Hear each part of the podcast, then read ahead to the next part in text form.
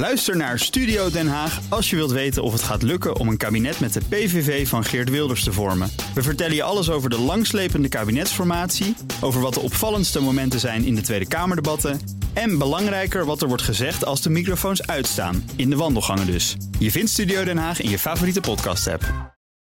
Het was een macabere week. De avondklok bleek voor enkele duizenden raddraaiers het signaal om in dorpen en steden op rooftocht te gaan. Winkels geplunderd, vuurwerkbommen afgeschoten, stenen naar de politie en de aanval ingezet op zorgmedewerkers.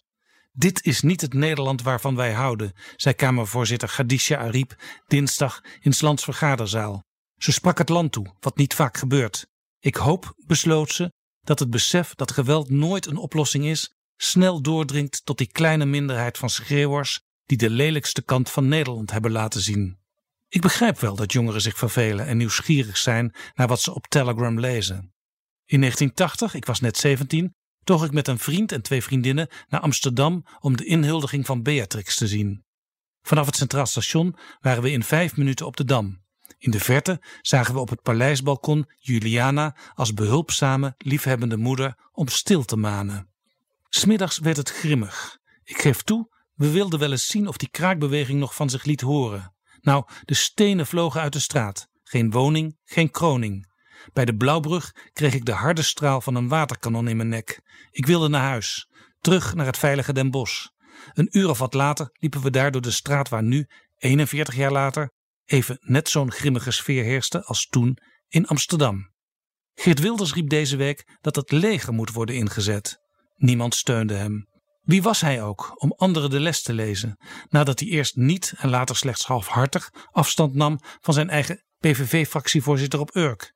Die had getwitterd er alles aan te doen dat de avondklok niet gehandhaafd zou worden. Olie op het vuur, wat dan ook meteen oplaaide. Het leger erbij? Misschien wel een ideetje als je de Eindhovense burgemeester John Jortsma mocht geloven. Die zei dat er sprake is van burgeroorlog. De Duitse schandaalkrant Bild aarzelde geen seconde om ermee te openen. Dan zie ik liever de burgemeester van Rotterdam, die als een strenge vader via het scherm de rellers rechtstreeks aansprak.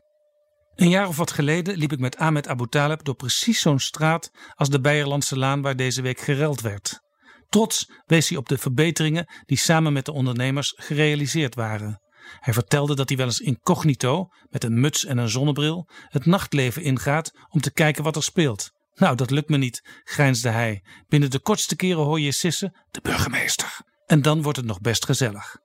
Zeker, er lopen in deze vreemde tijd dubieuze types rond.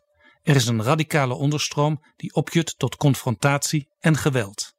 Maar als we aan het begin staan van een burgeroorlog, dan begrijp ik niet dat sinds corona uitbrak de tevredenheid met het kabinet gestegen is van 42% naar 63%, een tamelijk constant hoog niveau. Pas goed op jezelf, wees op je hoede, maar bekijk de dingen vooral nuchter en in de juiste proporties.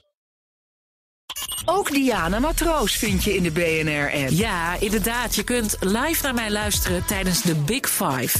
Ook handig in de BNR-app. Breaking nieuwsmeldingen, maar ook het allerlaatste zakelijke nieuws. En je vindt in de app alle BNR-podcasts, waaronder Wetenschap Vandaag. Download nu de gratis BNR-app en blijf scherp.